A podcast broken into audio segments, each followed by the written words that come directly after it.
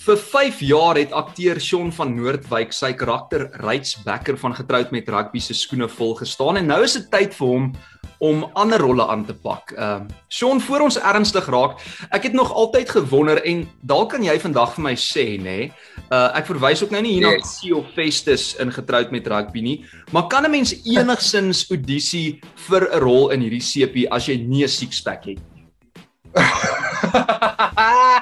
Daai is 'n goeie vraag. Ehm um, weet jy wat? Nee, ek dink wat so ongelooflik is van getroud met rugby is ja, die die manne speel die rugby en die vrouens speel die game, maar ehm um, ek dink wat so mooi was en wel ek praat nou al klaar reeds in die verlede tyd, maar wat so mooi is steeds van die CP is dat dit so divers en dat elke karakter het in sy eie vorm 'n uniekheid wat hy bring na die storie toe. So ek dink as jy wil audisie om 'n stryder te wees, ja, daar's dalk um, ietsie in jou kontrak wat sal gaan vra nee, maar luister, het jy 'n blokkies maag daarso?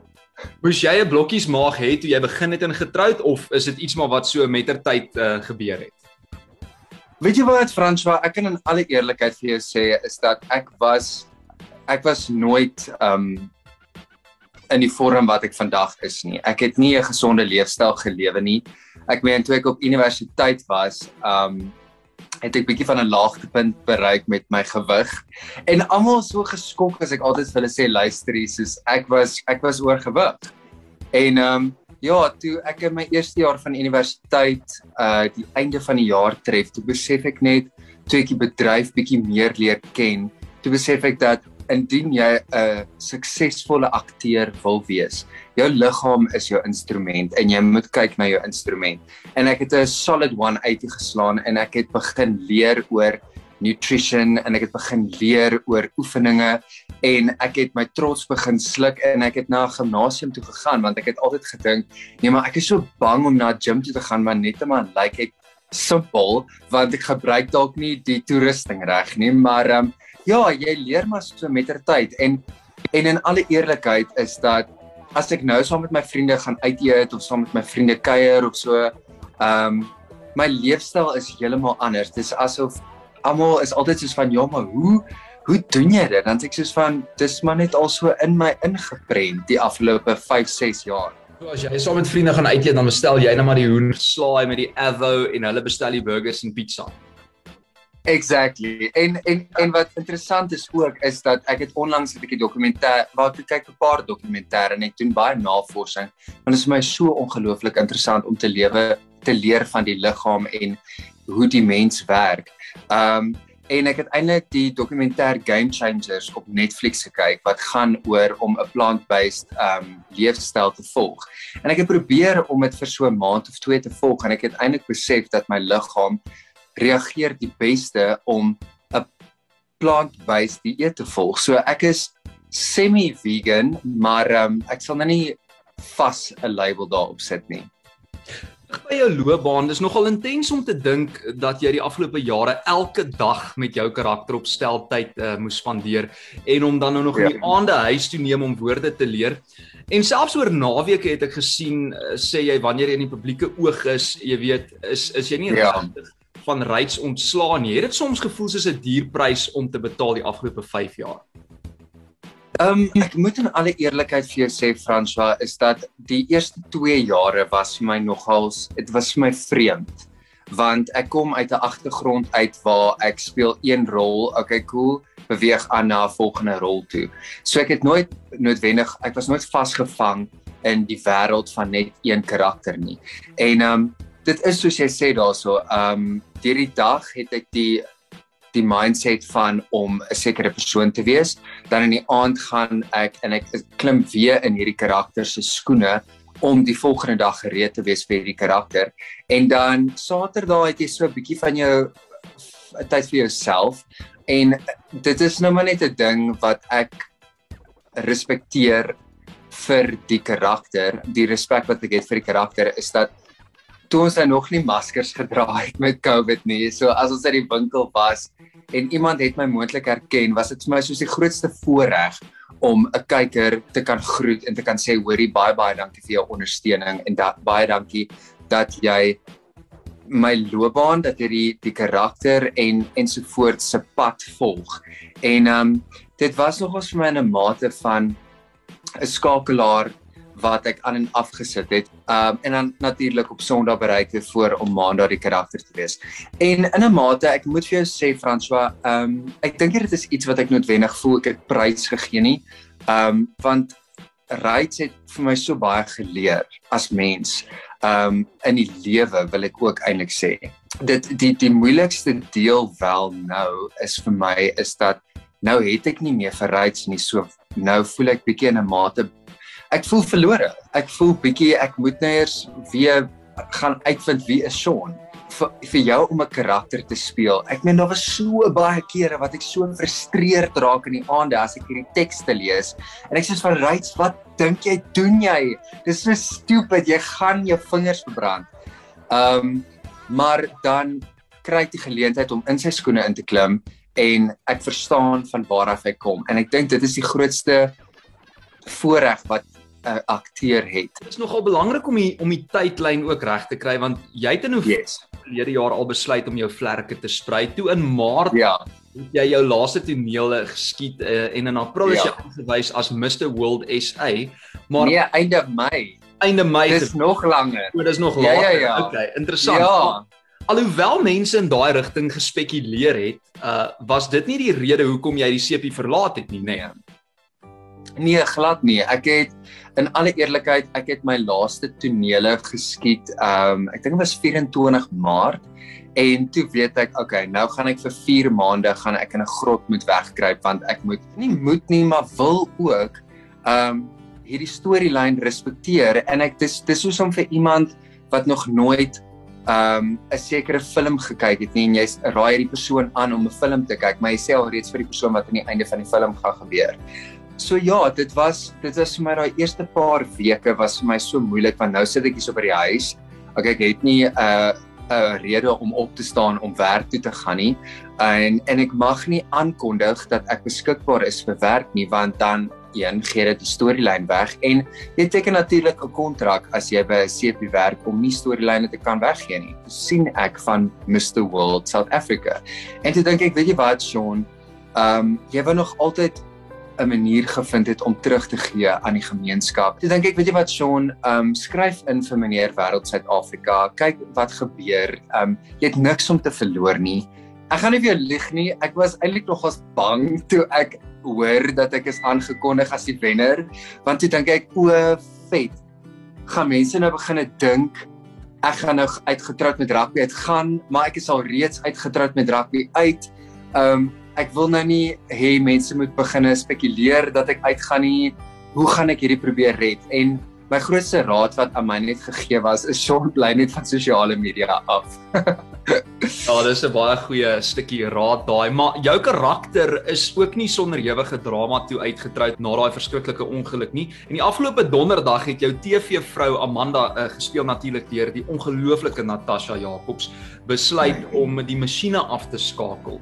Maar Sean, jy sê in 'n artikel dat jy tydens daardie toneel besef het dat jy ook self 'n skakelaar moet ontkoppel om te kan aanbeweeg ja. in die seisoen van jou lewe nou. Absoluut. Um en die ding wat vir my baie belangrik was toe ek in November vir Dion Opperman gekontak het wat die hoofskrywer is en een van die vervaardigers. Daar's 'n deel van jy as akteur sal weet, daar's altyd daar's hierdie stemmetjie wat vir jou sê volg jou instink en spring en vlieg en kyk of jy jou vlerk gaan sprei. En daar was 'n deel van my wat einde seisoen 4 alreeds gevoel het, nee maar Sean, baie mense in die bedryf sê vir jou hoe langer jy in die rol van 'n 'n karakter bly by 'n CP, hoe moeiliker gaan dit raak.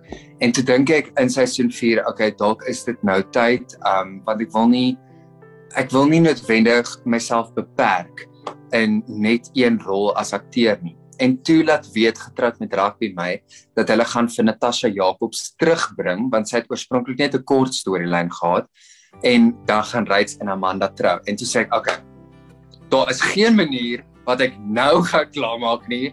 Ek wil nog steeds saam met Natasha werk. En toe ek vir Dion gebel het toe het ek vir hom vir my my storie vertel en dat ek dink dit is tyd vir my om bietjie my vlerke te sprei. En ek het toe dadelik vir hom ek weet dit is nie my posisie nie, maar ek het ook net vir hom van my kant af wou ek vra. Ek hoop regtig nie my besluit gaan haar rol affekteer in die sepie nie, want natuurlik nou, hulle is nou net getroud. Ek was so oorweldig daai aand van die episode waar hy se masjiene afgeskakel is deur die kykers want een die die hoeveelheid liefde wat ek ontvang het, dit het my net laat voel so ek het nogals nie te sleg daarom gedoen dan vir die afgelope 5 jaar nie en ek het tog iets gedoen met hierdie karakter en het dan 'n paar mense se hartsnare geraak. Baie mense wou weet nee maar hoekom moes hy doodgaan? En hoekom kon hy nie net oor see 'n bietjie gaan rugby speel of so of of iets anders nie? Maar die die ding is is dat Amanda sou vir Ryds volg. Ryds het as 'n held dood gegaan. Ons het die afgelope 5 jaar het ons gewerk om vir Ryds die goue seun te maak. Is as jy nou dink aan baie mense wat nog steeds daai karakter saam met hulle dra. En ek sien Ryds se ma, die twee sissies en ook jou broer Tommy gespeel deur Arno Greef. Hulle almal was daar vir 'n kort Ja. ruk om dit te bring. Maar jy was vir so lank gewoond aan 'n vaste werk. Hoe voel dit om ewe skielik soveel vryheid op jou hande te hê en kom daar ook 'n mate van onsekerheid daarmee saam? François, absoluut. Ek dink ek dink jy soos ek sê, jy as akteur self sal weet as dit kom by sekere werksgeleenthede. Um maar ek het nie die ding is van akteur wees ook is dat ek beloof jou, ek het my my laaste audisie wat ek gekry het omdat die bedryf tans so stil is, was letterlik 16 April. So die ding is ook as akteur is dat jy kan nie net staat maak om 'n akteur te wees nie. Dit is nie soos in Hollywood soos mense dink jy stap net van een werk na 'n volgende werk toe nie.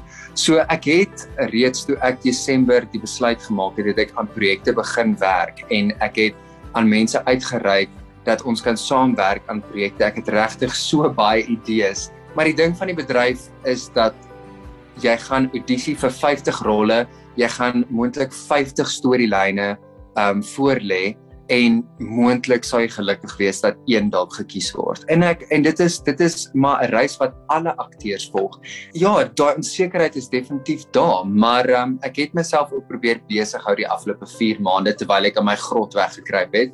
Ehm um, ja, ek het ek is tans is ek 'n sports en 'n vegan nutrition coach. Ek uh, is 'n meditation teacher. Ek het my TEFL Engelse kursus klaar gemaak. Uh wat het ek nog gedoen? Ek het baie kursusse gedoen en ek het ongelooflik baie gelees. Ongelooflik baie. Ek is tans besig stelselmatig as ek 'n tydjie kry, probeer ek om my life coach kursus ook klaar te maak. Ek het direk uit universiteit uit het ek hierdie hoofrol gekry in 'n CP. Um wat is volgende? Mag ek mag ek uh, so sê nou maar 'n onderwyser word? Mag ek sê nou maar funksies reël? Wat wat is wat is daai daai daai balans van luister jy moet jy, jy you you came in on a high, you can't go backwards now. Ek het baie onderhoude gekyk en podcasts geluister en baie mense sê luister jy as jy 35 is, as jy 45 is, as jy 65 is, you can start over whenever you want to start over. En ek dink dit veral nou na donderdag na nou daar buite in die wêreld is dat ek nie meer weggetroud met rugby is nie. Is dit in 'n mate van okay Sean, nou is dit tyd regroup, refocus and plan and structure something that you see yourself going into next. Intussen het jy ook tyd kon maak vir modelwerk. Jy het Antonele geskiet vir uh, die Mnet telenovelle uh, Legacy en tog is daar ook 'n ander groot droom in die pipeline.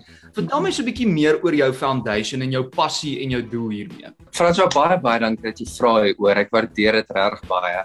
So met meneer Wêreld Suid-Afrika het ek 'n uh, baie mense het ook 'n wanpersepsie oor die titel. Baie mense het ek het gesien op sosiale media mense verstaan nie dat ehm um, daar verskil is noodwendig tussen meneer Suid-Afrika en meneer Wêreld Suid-Afrika nie. En om dit maklik te verduidelik aan die kykers is dat dit is soos Miss Universe, Miss South Africa, Miss Miss Global. Dit is net verskillende kompetisies. So ek is deel van meneer Wêreld Suid-Afrika wat Mr World word volgende jaar moontlik Maart in Suid-Afrika gehou. So aan al die dames in Suid-Afrika, hier kom blykbaar soos almal al die mans wat gewen het van hulle lande kom Suid-Afrika toe. So ek hoop julle sien uit daarna. So daar is nie noodwendig pligte vir my nie. Almal dink daar is funksies wat ek moet bywoon, pligte wat ek het, ehm um, dat ek gaan baie moet reis ensovoorts. En ek dink ehm um, dit is nie soos my juffrou Suid-Afrika nie. Juffrou Suid-Afrika is 'n heeltemal ander ball game. Ja, so ek het besluit dat ek wil baie graag iets met hierdie titel doen. Ek wil nie volgende jaar wanneer die volgende wenner aangekondig word op die verhoog staan en wees van ek het die titel gewen. Ek het 'n jaar 'n sash gedra. Ek wil baie graag wil ek soos van luister hierdie is al die werk wat ek aangepak het en hierdie is hoe ek probeer het om 'n positiewe verskil te maak. So toe besluit ek om die foundation te begin Sean van Noordwyk Kindness. En dit is nogals interessant. Ek het vir mense gesê dat daar is nie 'n baie mooi woord in Afrikaans soos die woord kindness nie. Ek meen as mens dit vertaal in Afrikaans dan sê dit vriendelikheid. Maar ek dink as dit kom by kindness is dat gaafheid word daaraan gekoppel, vriendelikheid word daaraan gekoppel, liefde word daaraan gekoppel.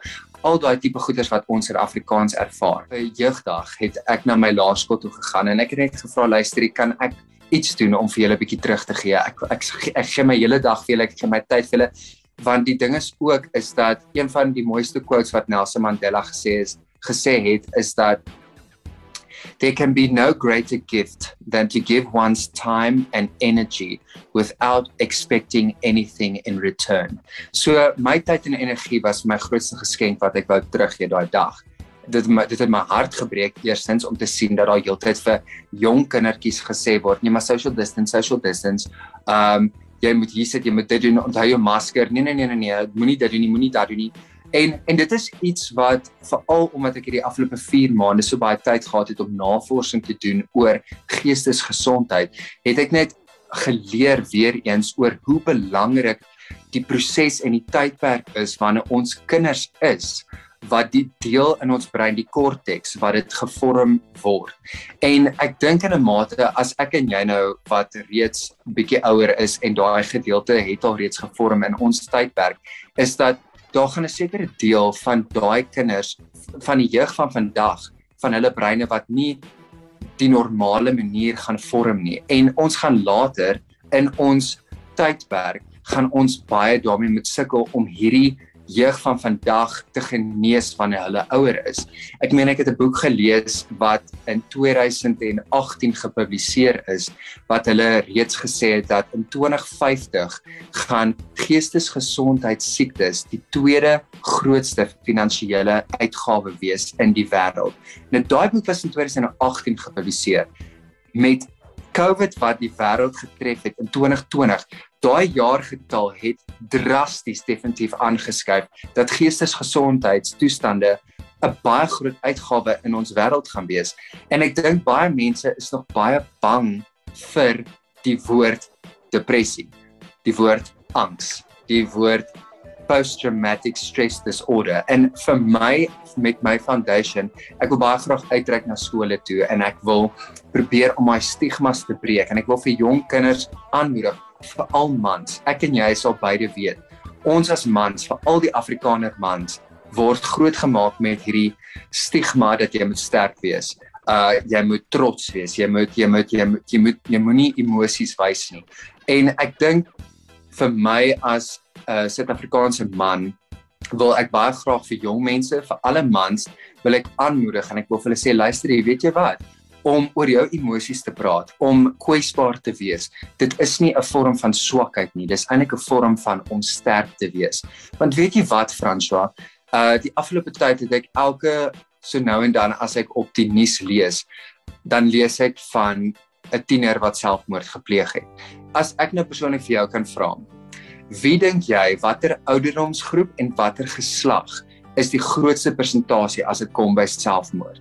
Wel, ek het nou die dag hoe kan die nuus gelees 'n skrikwekkende storie van 'n meisie in Laerskool Linwood. Sy was 13 jaar oud wat selfmoord gepleeg het en dit was ja. langs ons praat van 'n maand of 'n bietjie langer as 'n maand. Ja. So ek sou raai sê net maar van begin hoërskool tot miskien 18 jaar oud. Statistiek gewys die hoogste persentasie selfmoord gevalle is mans tussen 17 en 24. Hoor. Ja, dis skokkend. Die vraag is hoekom jy's hulle? Want dis presies wat jy sê, hulle het nie daai geleentheid om uh, oor uh, oor hulle emosies te praat ensovoorts nie. Mens moet heeltyd maak of jy sterk is. Maar ek wil net vir jou sê, dis regtig bewonderingswaardig, Sean. Ek meen as mens luister na jou hoe jy wil terugploeg in die gemeenskap en in hierdie kwessies, moeilike kwessies eintlik oor geestesgesondheid wil aanpak en wil aanspreek.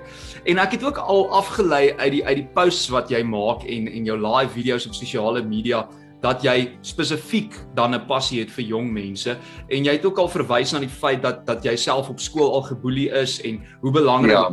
jy jy dink dit is vir jong mense veral die wat geboelie word om 'n rolmodel soos jy te hê. Voel jy daai pressure soos die Engelsman sê dat jy 'n rolmodel is vir hierdie mense? Ehm um, Franswa in in alle eerlikheid, ek het ek het nou al baie keer dit daaroor gedink in die sin van ek ek wil baie graag die platform gebruik wat ek nou die afgelope 5 jaar opgebou het om kind of ek wil 'n rolmodel wees vir die jonger Sean.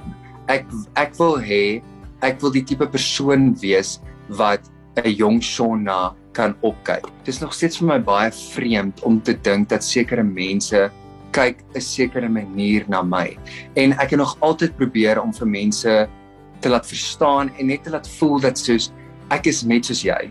Ek, net omdat ek um, in jou sitkamer op televisie is, net omdat ek probeer om 'n verskil te maak, ek dit, ek is nog steeds mens. Ek is nog steeds iemand wat moeilike dae het. Ek het iemand wat wat goeie dae het. As ek terugdink na toe ek 'n jong laaitie was en sê net maar ek het iemand ontmoet soos David Minnar of iemand ontmoet soos Anna Mart van der Merwe of daai ikone wat op televisie was en ook hulle loopbane in CP begin het. Soos ek kan nie dink dat daar is moontlik jong mense wat na my kyk soos wat ek na hierdie ikone gekyk het nie. Wat sal jy vir die kind wou sê wat vandag na hierdie onderhoud luister wat dalk op die oomblik, jy weet, deur so 'n situasie gaan, uh kom ons sê net maar die die jonger Sean en miskien ook naby aan moedverloorse vlakte is want ek meen ons sit ook nou in 'n pandemie, dit is vlak 4, kinders kan nie skool toe gaan nie soos wat jy sê daai daai goed in die brein ja. wat ontwikkel kan nie regtig ontwikkel nie. Nou sit hulle nog by die huis en hulle het baie tyd om te dink ook oor hulle self en oor die toekoms en miskien was hulle geboelie of voel hulle nie lekker oor die toekoms nie. Wat is jou boodskap kortliks aan aan daai persoon vandag? Frans, ek sal vir jou sê as ek regtig raad vir 'n jong 'n jonger weergawe van myself of vir 'n jong kind vandag by die huis kan gee, is dat as jy gebore word, ehm um, en hierdie gaan nou 'n metafoor wees, maar as jy gebore word, dan gee die lewe vir jou in 'n mate 'n bril. En jy gaan daai bril opsit en die samelewing gaan begine skryf met 'n koutjie op daai bril.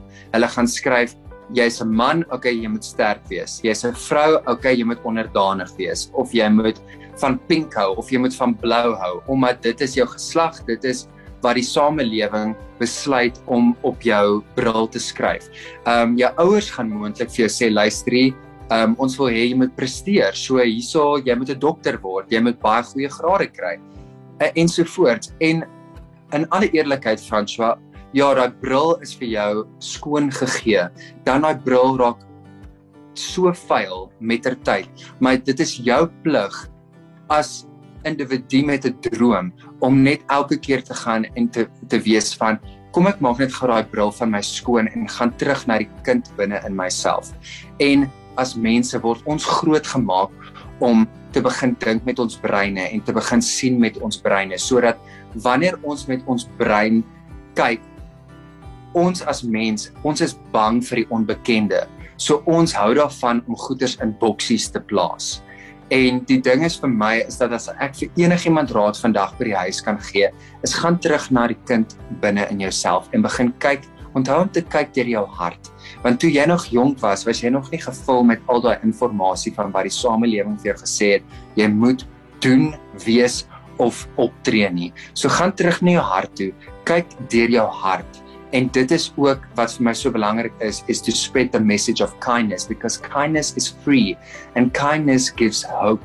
And the thing is that what we need now most in this world is to be kind towards ourselves be kind towards our brothers, our sisters, our mothers, our fathers, our grandparents, and then we begin to automatically be kind towards our fellow South African. En ek dink dit is iets wat baie belangrik is want sodra jy gaaf is met iemand, dis aansteeklik. Ek dink ons is in 'n mate so geprogrammeer om dadelik te gaan soek vir wat is fout en wat is negatief want ons wil konstant iets um ons is konstant in daai in daai in daai uh, state of mind of fight or flight. Lewe vir die nou en lewe met kindness. Wel, dit is Shaun eh, van Noordwyk, die motiveringspreek, ek bedoel akteur. Um en so ek letterlik nou 'n sielkundige sessie bygewoon het. So baie dankie daarvoor. Shaun, dankie vir jou eerlike maande se boeke lees. ja, nee, ek kan dit aflei. Ehm um, dankie vir jou eerlikheid, dankie vir die verskil wat jy uh, wil maak in die wêreld. Ek dink jy's 'n absolute rolmodel vir vir jonk en oud en ehm um, ons kan nie wag om te sien waarheen jou paadjie vorentoe gaan lei nie en, en hou net aan met wat jy doen en en met jou menswees en en volg altyd jou hart en dan wil ek net uh, afsluit deur te vra as mense bietjie meer wil lees of wil betrokke raak of wil bydra tot jou foundation, waar kan hulle gaan loer? Onlangs het ek my my nuwe webwerf het ek dit gelons. Ek is nogals baie opgewonde daaroor. So my webwerf is shaunvannoordwyk.com en en ek wil baie graag my my my kennis wil ek deel met mense en in 'n mate as jy 'n kaartjie koop tot 'n webinar um, dan dra dit by tot die foundation en die foundation gaan vir my die geleentheid gee om meer te kan uitreik na skole toe om 'n verskil te kan maak. En indien hulle nie op my uh, webwerf kom nie, ek is op Facebook het ek 'n bladsy Shaun van Noordwyk en op my Instagram ook het ek 'n bladsy Shaun van Noordwyk. En daarso probeer ek soveel as moontlik aktief bly om vir mense in te lig en mense in hierdie tydperk veral net soos 'n bietjie positiwiteit in te spuit, wil ek amper sê.